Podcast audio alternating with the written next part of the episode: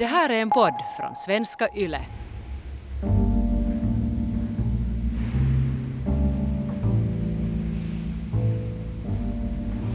Tankarna virvlade om i min hjärna. Jag steg upp, lade vapnet i min byrålåda, släckte ljuset och gick till sängs.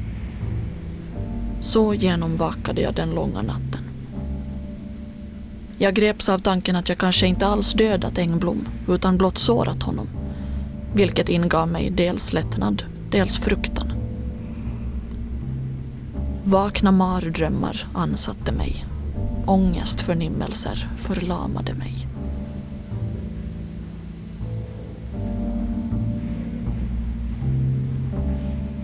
Du lyssnar till tredje delen av Det värsta brott man kan begå. Svenska Yles krimpodd om ett av 1920-talets mest omtalade brott. Jag heter Anvi Gardberg.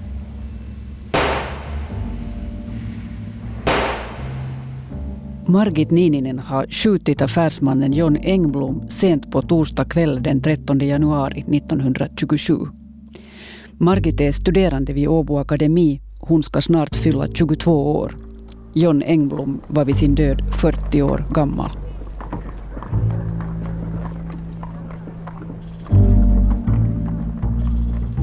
Följande morgon hittar en elev vid navigationsskolan i Åbo John Engbloms lik.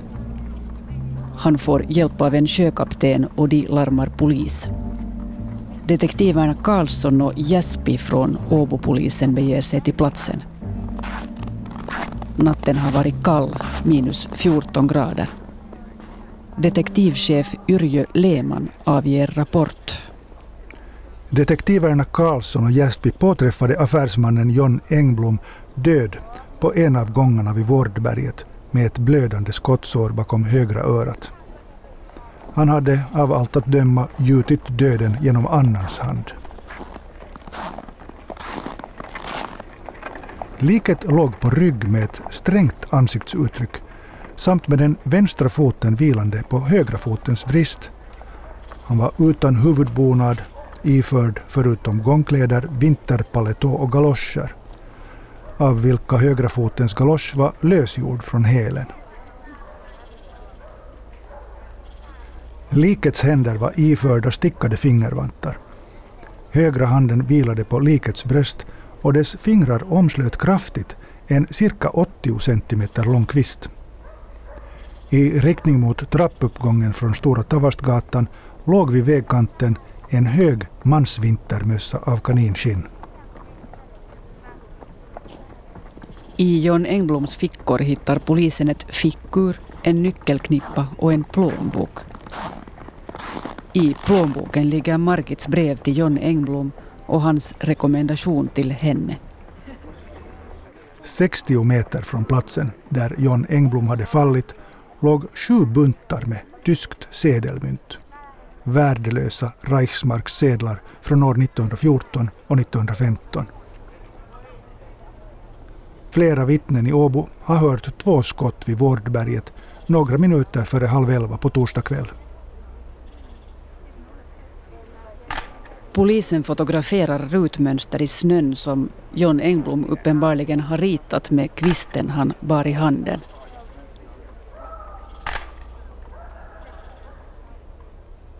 Vi satt och åt, mamma och jag. Och pappa var någonstans utomlands då på resa.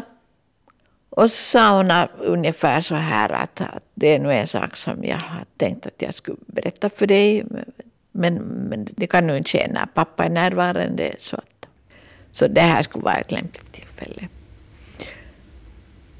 Barbara Engblom är sondotter till John Engblom. Hon gick i gymnasiet när hon fick veta hur John hade dött. Och så berättade hon det där, det som hon visste. Och också att hon hade talat med, med den här pappas moster Etti om det här. Etti levde då ännu. Farmor levde inte. Mamma sa nog också, berätta liksom vem det var som sköt. Så att, um, det visste jag nog. Men hennes mamma hade då berättat att det var en hemskt stor begravning. Och att, att min farfar då hade haft öga för kvinnor och sånt. Och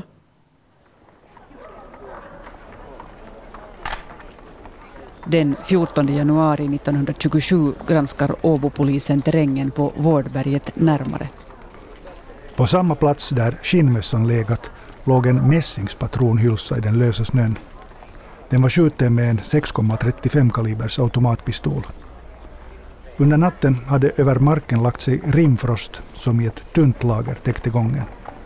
Man kunde inte urskilja några särskilda spår i dess hårdtrampade yta.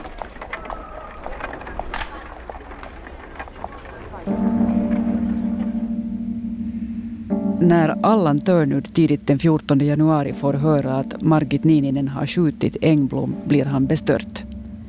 Sen säger han att ödet har skipat rättvisa. Han tänker senare att hans inställning och ord under de senaste veckorna har drivit Margit i den situation som utlöste gärningen. Han har satt hennes välfärd, frihet och framtid på spel.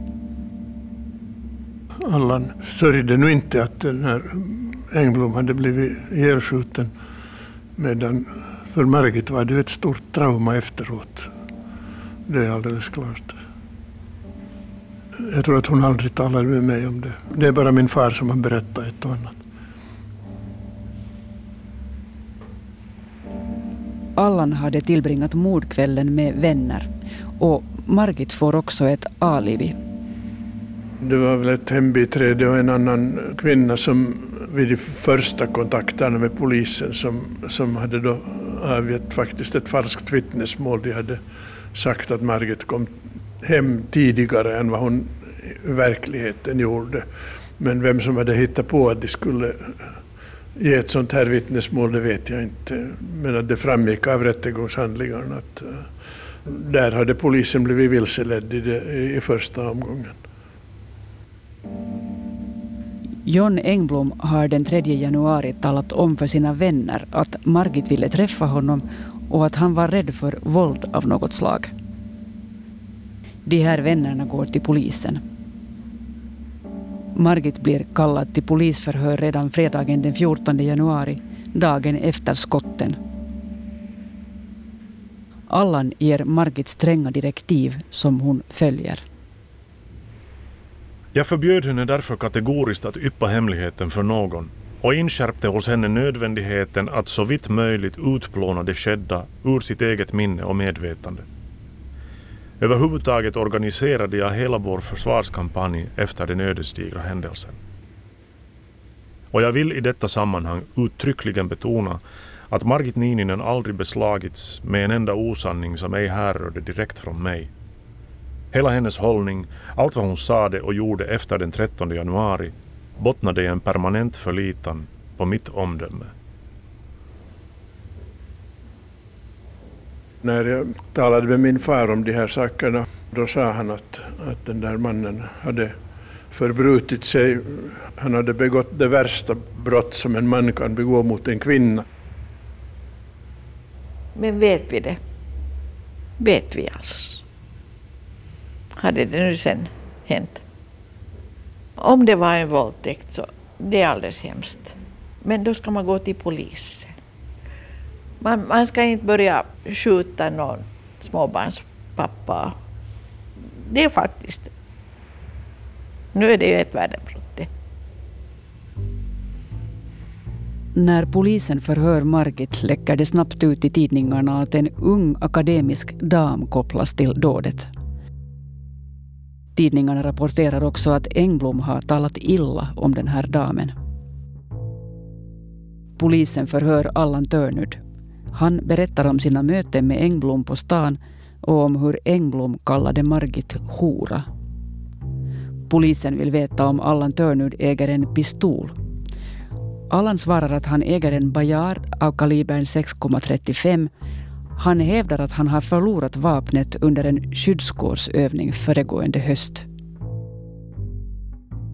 Polisen letar efter hylsor från Allans vapen. De tar med honom till villan i Kolax i Pargas där han provsköt föregående sommar.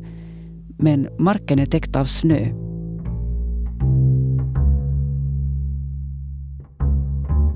och Allan visar polisen på fel ställe där inga hylsor ligger. Allan sätter in en annons i Åbo underrättelser. Han efterlyser sin pistol. Det får polisen att undra varför han gör det först nu. Detektivchef Yrjö Lehmann fortsätter att höra vittnen. Ellen Matilda Engblom berättar att hon vid tiden för sin mans död var på kommunala sjukhusets epidemiavdelning med sin äldre son.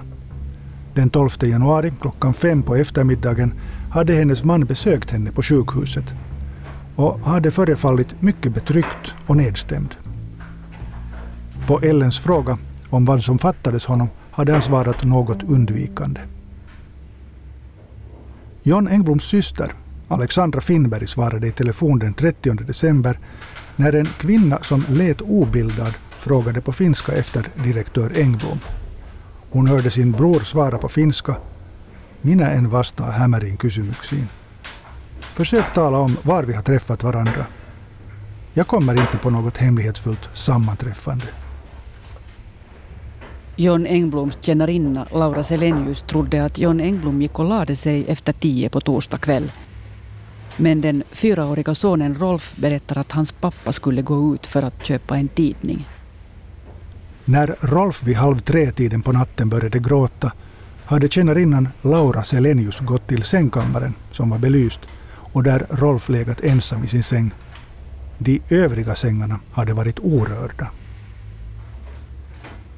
När det här hände, när min farfar dog, så var min pappa på sjukhus. Han hade scharlakansfeber. Och han kom hem, tror jag, först i slutet av, av januari. Ingen berättade för pappa vad som hade hänt. Eh, han var förvånad över att hans pappa inte kom. Han var då sex år, pappa var sex år gammal. Förvånad över att hans pappa inte kom dit till sjukhuset efter honom. Och inte, inte var han hemma heller. Det var olika människor nog som såg svartklädda och sorgsna ut. Och, då, då konstaterade han att pappa John har dött. Han konstaterade det själv.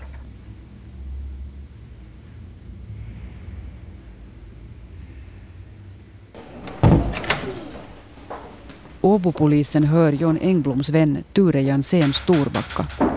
Han träffade John Engblom både före och efter hans möte med Margit Nininen den 3 januari.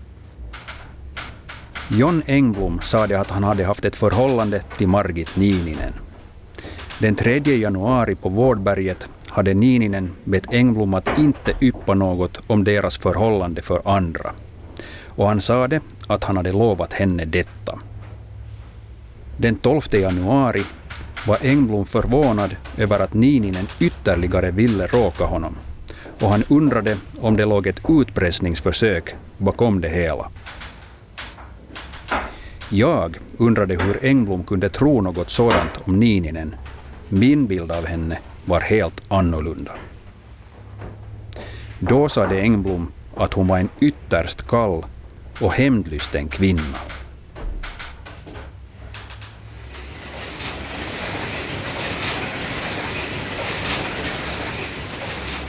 Tidningarna i Åbo spekulerar i den unga akademiska damens roll och hurdant hennes förhållande till John Engblom egentligen var. Vid Åbo Akademi räknar man snabbt ut vem som är misstänkt. Då reagerar Margits studiekamrater i studentkåren förorättat. De är övertygade om att Margit är oskyldig. De samlar in pengar till förmån för henne och bjuder henne på fina middagar för att visa sitt stöd. Den 8 februari skriver Åbo underrättelser att misstankarna mot den unga damen har visat sig vara helt ogrundade. Tidningen häpnar över att en oskyldigt utpekad och oförvitlig ung kvinna alldeles skyddslöst kan överlämnas åt förtalet. Margit själv skriver senare i ett brev till sin fostermor. Jag suggererades verkligen att tro att jag var oskyldig. Denna intalade övertygelse var mig till god hjälp då det gällde att med god smak ta emot all den hjälp och sympati som strömmade emot mig. Så vedervärdigt det var alltsammans. Den 13 februari 1927 skriver Allan Törnud ett brev till sin gamla klasskamrat Ture Jansén Storbacka. Han beskriver Margits förhållande till John Engblom.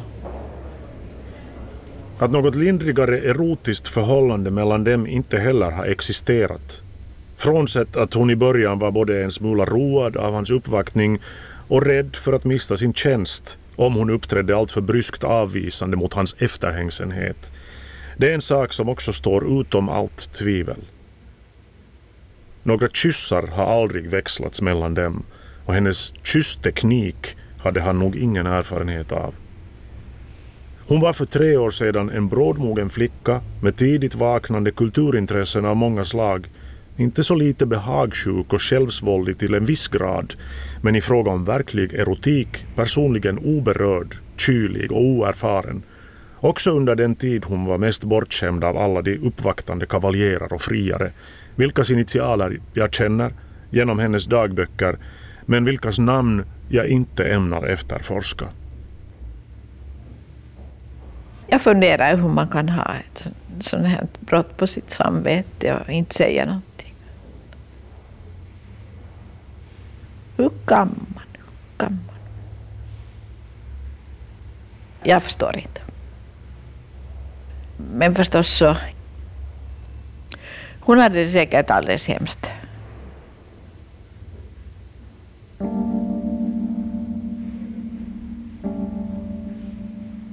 Margit bär på självmordstankar under veckor och månader efter dådet. Hon blir intagen på sjukhus och vistas en månad på landet. Den 10 februari publicerar tidningarna ett meddelande från polisen. En belöning på 10 000 mark har utlovats åt den eller de personer som kan ge sådana uppgifter om mordet på affärsmannen John Engblom att de leder till mördarens uppdagande. Penningsumman har tydligen blivit insamlad bland John Engbloms vänner. Det visar sig att John Engbloms företag höll på att gå omkull när han dog. Allan Törnud blir vald till ordförande för Åbo Akademis studentkår. Den 16 april 1927 eklaterar Allan och Margit sin förlovning som hittills har varit hemlig. Han är nu 38 år, hon är 22 år gammal. Det har gått över tre månader sedan Margit sköt John Engblom och polisen verkar fortfarande tro på Margits alibi. Sen när jag då hade börjat studera juridik så, så gick jag på en frivillig kurs i kriminalistik som hölls av polisen i Voskosti Vasa. Och han började berätta om den här ballistiken då, att det var första gången då i hela Norden användes i samband med Engblomintapaus i Åbo. Att det var en sån här affärsman som blev skjuten på Vårdberget och hur de sen fick fast de här, egentligen den skyldiga, de skyldiga också, men ehm, att de nog hade varit misstänkta tidigare, men det fanns liksom, eh, och det verkar osannolikt. Att det fanns så hemskt många misstankar åt olika håll och det var ju också sådana här värdelösa tyska pengar som, eller sedlar som hade kastats ut där. Och, så man tänkte nu att det hade något med någon business att göra eller någonting med något, kanske sån här som jag vet att han nog han köpte sån här smuggelsprit för att min pappa hade varit med på sådana här resor. Han ville åka bil. Så hade han varit i Rimito och Gustavs och sånt här. Och sa han visste nog aldrig riktigt att det var korta ärenden som de hade och så kom de tillbaka. Och att han först sen, senare förstod han. Ja, och, och, och sen naturligtvis att det här i samband med frihetskriget, att om det skulle ha varit något med det eller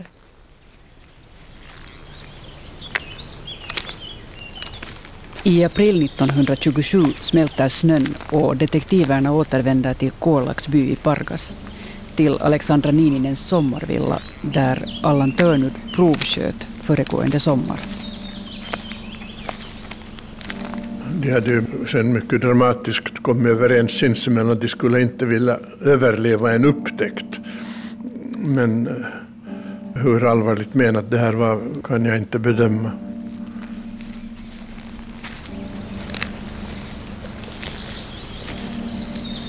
Polisen hittar en skolpojke som var med när Allan provsköt. Med pojkens hjälp hittar polisen hylsor och de skickas för utredning till Helsingfors. Hylsorna har en ovanlig skråma på sig som pistolen har förorsakat. En identisk skråma finns på den hylsa som har hittats på Vårdberget i Åbo.